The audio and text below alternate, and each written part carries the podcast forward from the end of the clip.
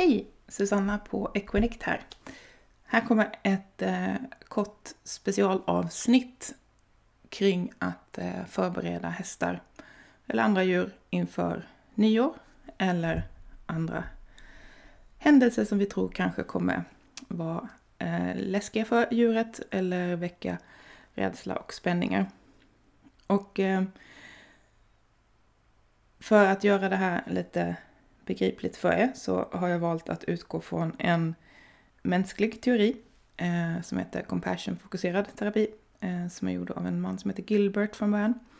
Eh, och jag upplever att det finns många paralleller mellan hur vi människor agerar där eh, och hur hästar agerar där. Och det är också någonting som börjar studeras nu. Ehm, de parallellerna, man kan också göra rätt många paralleller mellan det Gilbert säger och det Jack Panksepp säger.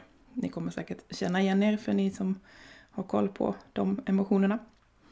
Men vad man kan säga då är att, ehm, och det här kan ni kika på om ni vill i beskrivningen till podden så har jag lagt en länk till den här modellen som jag kommer utgå ifrån. Och den här modellen eh, baseras på att det finns tre olika känslolägen som vi kan befinna oss i, lite förenklat sagt. Eh, så det finns tre stycken cirklar kan man säga. Eh, så målas den här modellen upp i alla fall. Ehm, och den ena, eh, det ena systemet är hotsystemet. Då brukar man göra som en röd cirkel. Och i hotsystemet, där befinner man sig när man känner sig rädd, eh, när man upplever någonting som man tolkar som en fara.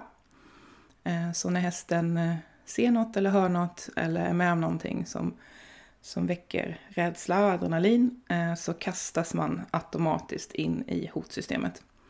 Och eftersom hotsystemet har med ens överlevnad att göra så är det alltid det som kommer vinna.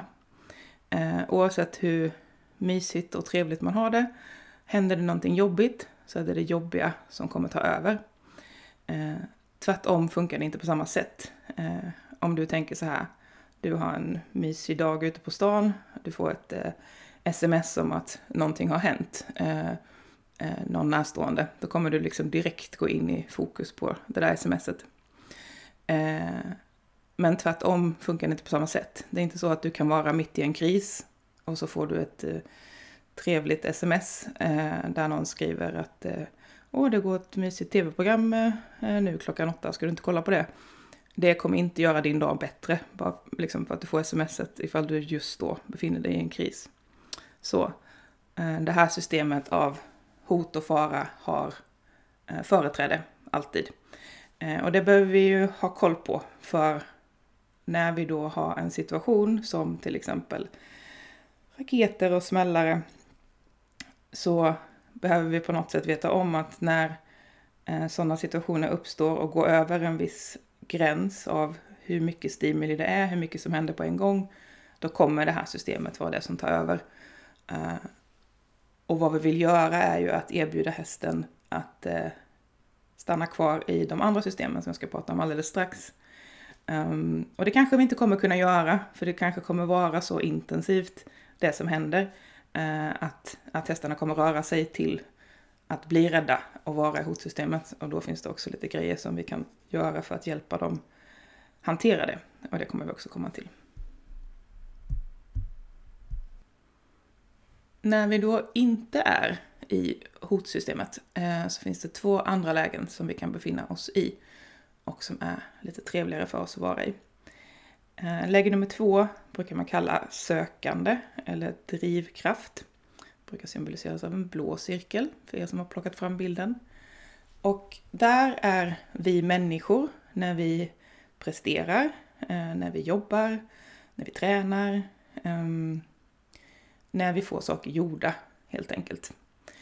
Eh, och hästar är i det läget när de eh, födosöker, eh, när de nosar på saker, när de upptäcker, eh, när de är i seeking då, om man översätter det till de känslorna. Eh, när de eh, klickertränar. Ehm, så när de är i den delen av hjärnan eh, som aktiverar dopamin, Eh, och som ger liksom kickar. Um, och det är ett läge där vi, vi hästar och människor, känner ofta inspiration, motivation, drivkraft som sagt. Um, och för alla er som, som tränar med matbelöningar så vet ni också att det finns en, en skala på den eh, eh, känslan eh, som kan vara att, att en häst kan också lätt gå upp, kanske i lite mer eh, energi, eh, sökande frustration eh, om vi inte är försiktiga. Eh, och det är också någonting som vi behöver ha med oss särskilt i svåra situationer som till exempel nyår. Eh, att vi vill inte sätta dem i en situation där eh, de behöver tänka allt för mycket. Eh, för eh, då kan frustrationen ligga eh, nära till hands. Eh, så om vi tänker, vad kan vi göra? Eller nej förresten, jag tar det alldeles strax. Jag vill ta den tredje och sista först så ni får eh, hela sammanhanget. Tredje cirkeln, eh, som brukar vara grön, kallar man trygghetssystemet eller lugn och ro-systemet. Och det är där man befinner sig när man bara är, när man känner sig trygg, säker, hållen, när man vilar, eh, när man umgås eh, med människor man tycker om, ehm, när man mediterar, tar igen sig, så. För hästar, eh, när de står tillsammans, vilar tillsammans, kliar på varandra eller blir kliade på av oss, förutsatt att det är en häst som gillar det. Ehm, så liksom flockkänslan skulle man kunna sammanfatta det med eh, i hästvärlden. Flock och beröring. Eh, och för vissa, och också ofta för hästar som ni säkert har tänkt på, så är det ju inte så, alltså visst det finns tillfällen när hästar står och kliar på varandra, men det finns också väldigt mycket fler minuter som går på ett dygn när hästar bara står, väljer att stå nära varandra och sova, eller väljer att gå nära varandra och beta.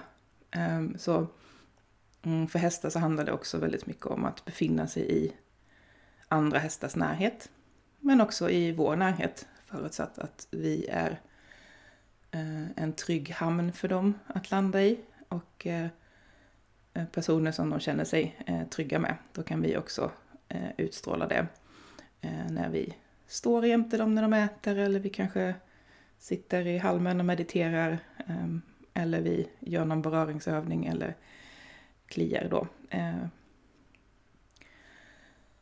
och man skulle kunna lite grann då rangordna de här tre, att precis som jag nämnde i början så hotsystemet, det röda, det tar alltid över, det har alltid företräde. Eh, sökandesystemet, det blå, eh, är ju lite mer energirikt än eh, det gröna lugn och ro-systemet. Eh, så eh, det kommer på andra plats kan man säga. Och eh, tredje lugn och ro-systemet, eh, det är liksom basen, men, men det är det som kanske man lättast eh, tas ut ur. Och säkert är det någonting som du som människa kan relatera till. Det är liksom, har man väl ställt in sig på någonting, man kanske liksom köpt en spännande kurs eller man eh, står mitt i ett träningspass med hästen eller vad det nu kan vara. Man är i det blåa, i det sökande, i det upptäckande. Eh, så kan det vara ganska svårt att varva ner och komma till det gröna. Det här med att bara vara, sätta sig och läsa en bok, utan att kolla notifikationer på Instagram och sånt där som kanske är lite, blir lite extra tydligt i sådana här helgdagar. Eh, och så är det för hästar också, även om det inte är på riktigt samma sätt eftersom de inte har byggt ett samhälle på kickar på samma sätt som vi människor har gjort. Mm, men ändå någonting att vara medveten om att det är svårare för dem att stanna kvar också i lugn och ro-systemet och särskilt när många olika saker händer runt omkring dem. Så det var lite bakgrund. Då går vi till det praktiska. Hur kan vi använda det här då för att hjälpa våra kära pollar? Eller hundar eller katter? Um, jo, vi vill göra det vi kan för att de inte ska hoppa över i rött. Uh, och om de hoppar över i rött i hotsystemet eh, så vill vi ge dem utrymme att göra sig av med den stressen. Så om vi börjar där. Sannolikt är det så att någon gång under den här nyårshelgen så kommer djuret att bli rädd. Eh, jag kommer utgå från hästar nu för det är det som är min expertis. Eh, vad som är viktigt för dem då är eh, att ha varandra eh, och att ha utrymme. Eh, så jag vet att det är många som kommer känna sig tryggare med att stänga in hästar i boxar. Och möjligen är det så att det inte finns andra möjligheter och då är det, är det vad hästen är van vid och det är det ni har, så kör på det.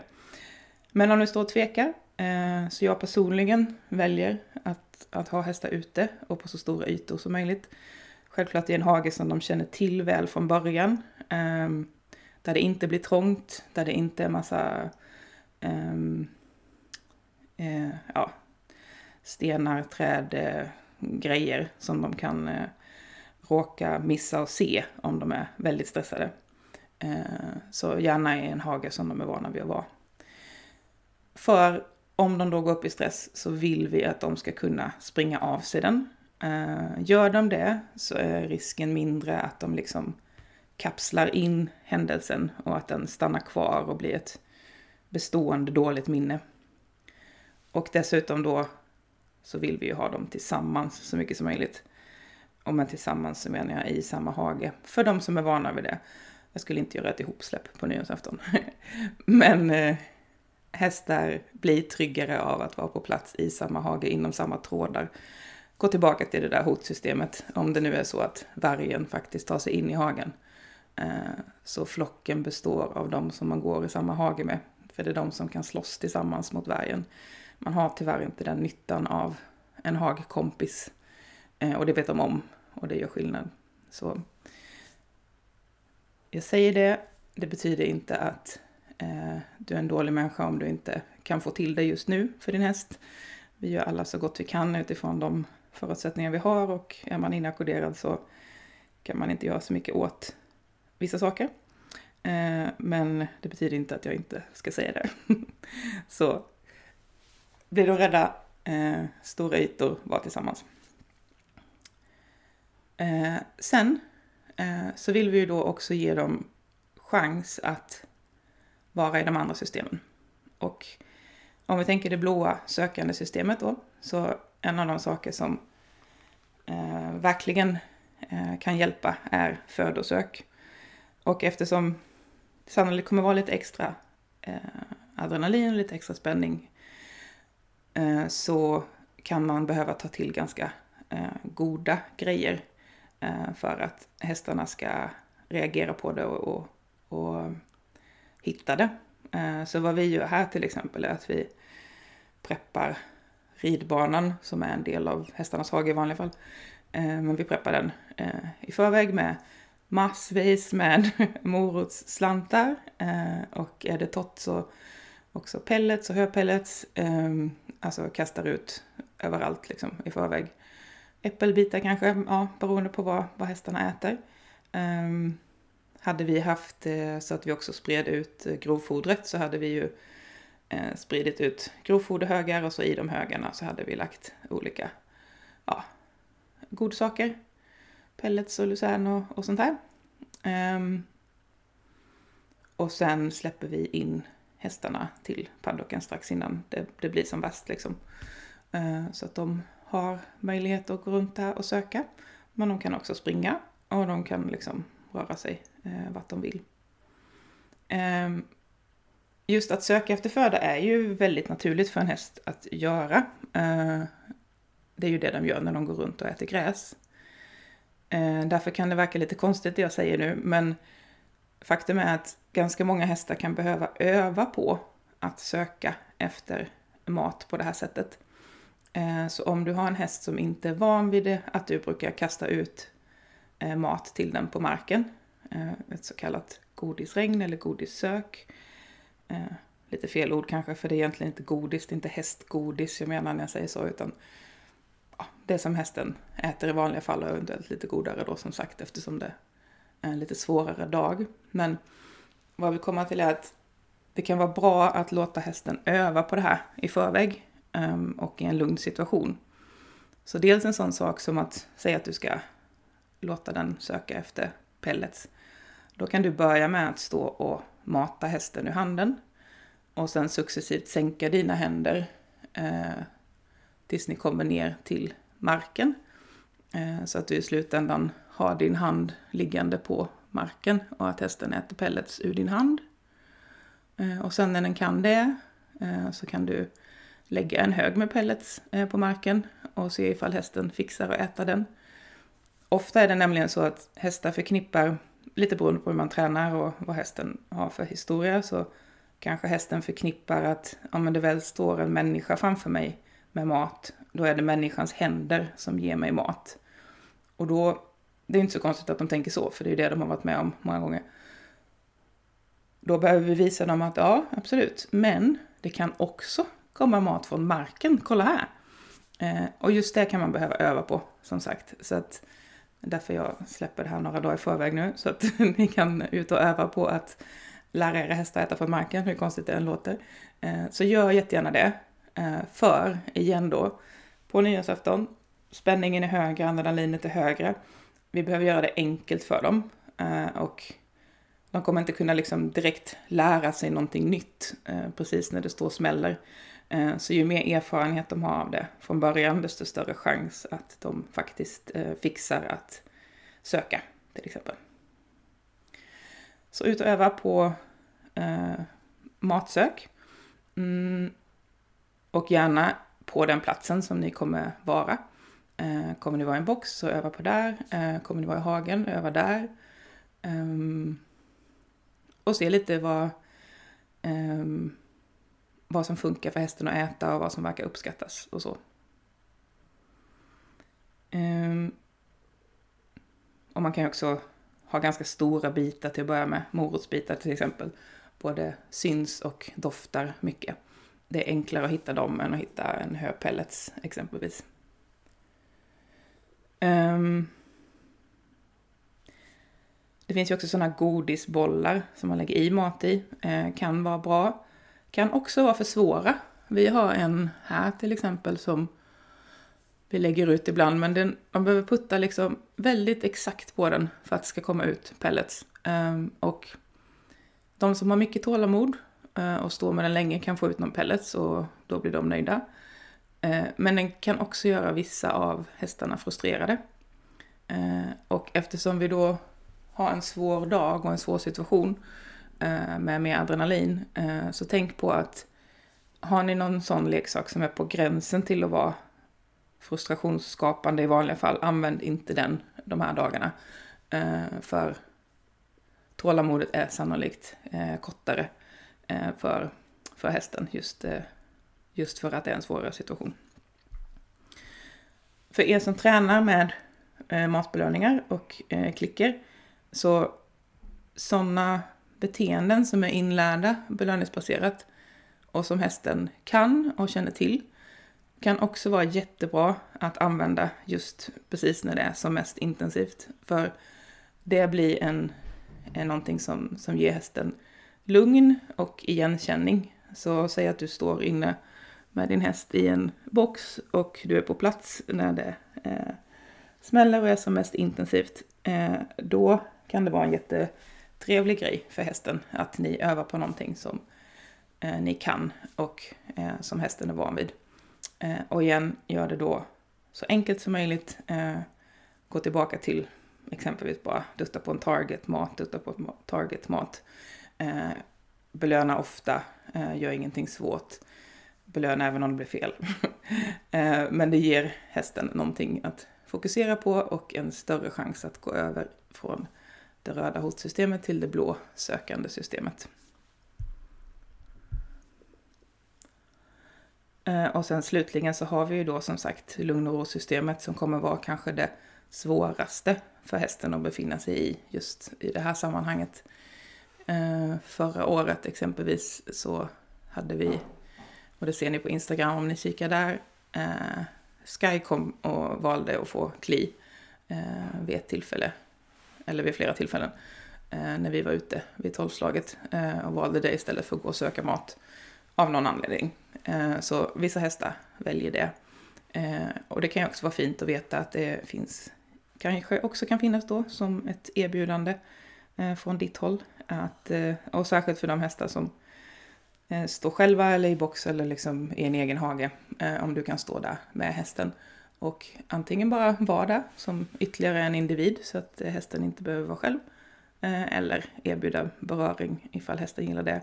Och om det är säkert för dig såklart. Det kan ju vara så att hästen är så pass mycket uppe i adrenalin så att den inte står still och då passar det ju såklart inte. Det får du känna in utifrån situation. Om det är så att du känner att okej, okay, nu har jag några dagar på mig, jag eh, vill förbereda hästen. Så som sagt, eh, utöver att eh, låta den öva på att söka eh, så kan man också börja vänja den vid ljudet av smällare. Mm, vissa hästar reagerar på ljudet mest, vissa reagerar på doften. Våra hästar reagerade mest på ehm, ljuset faktiskt. de är lite vana vid att det smäller i skogen så det var liksom inte en så stor grej för dem. Men just att det eh, lystes upp på det sättet som det gjorde tyckte de var konstigt. Ehm, så därför satte vi på lyset i paddocken förra året. Eh, för att det skulle vara liksom mer ljust. Eh, vilket gjorde dem lite lugnare och de valde att vara där också. Ehm, så det var en sån litet trick som man kan ta med sig. Men gällande ljud då, om man vill vänja ett djur vid ljud Eh, så är det viktigt att i så fall börja på en väldigt låg nivå. Alltså ljudmässigt, volymmässigt. Eh, och det finns ju klipp på Youtube till exempel man kan plocka fram. Och ens mål i så fall är att det där ljudet till att börja med ska vara så lågt så att man inte ser någon reaktion alls från hästen. Eh, och då gör man, sätter igång ljudet först och sen ger man någon trevlig grej, till exempel mat eller kli. Eh, så ljud först, mat sen. Eh, men, men gärna liksom direkt. Alltså jag menar typ, sätt på ljudet, plocka fram moroten. Eh, så det, liksom, det kan vara typ två sekunder däremellan. Men det är viktigt att ljudet startar först, för vi vill så småningom bygga den här bron i hjärnan av att djuret så småningom tänker att Åh, oh, härligt, där kommer det där ljudet. Det betyder att snart kommer det hända bra grejer. Så vi vill inte göra tvärtom. Vi vill inte stå och mata först och sen kommer ljudet. För då är det risk att hästen så småningom blir skeptisk till så här, hmm, nu kommer mat. Betyder det att det där läskiga ljudet kommer snart? Så vi vill göra tvärtom. Ljud leder till bra grejer. Och i så fall sen då eh, successivt eh, vrida upp volymen, göra det lite svårare, men hela tiden hålla koll på eh, hästen och dess signaler och eh, vad den utstrålar. Och försöka liksom göra någon slags avvägning. Ser det ut som att hästen kan vara kvar i det gröna lugn och ro-systemet nu? Eh, fixar den att ha fokus på mig och träning och vara i sökande systemet? Eller oj, råkade vi liksom gå upp i, i hotsystemet? Eh, och så får ni laborera där och Målet är såklart att hela tiden hålla sig under den nivån så att den inte eh, går upp till hotsystemet.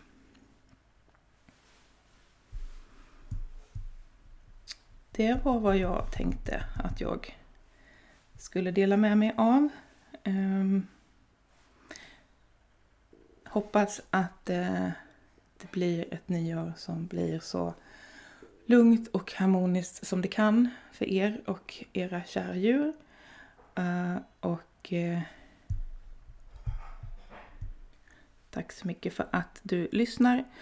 Gillar du det här och det vi gör så uppskattar vi galet mycket att få uh, det vi gör delat. ett sätt att nå ut till fler och förhoppningsvis uppmuntra fler personer att lyssna på sina hästar och göra så bra förändringar för dem som det går. Okej, vi hörs!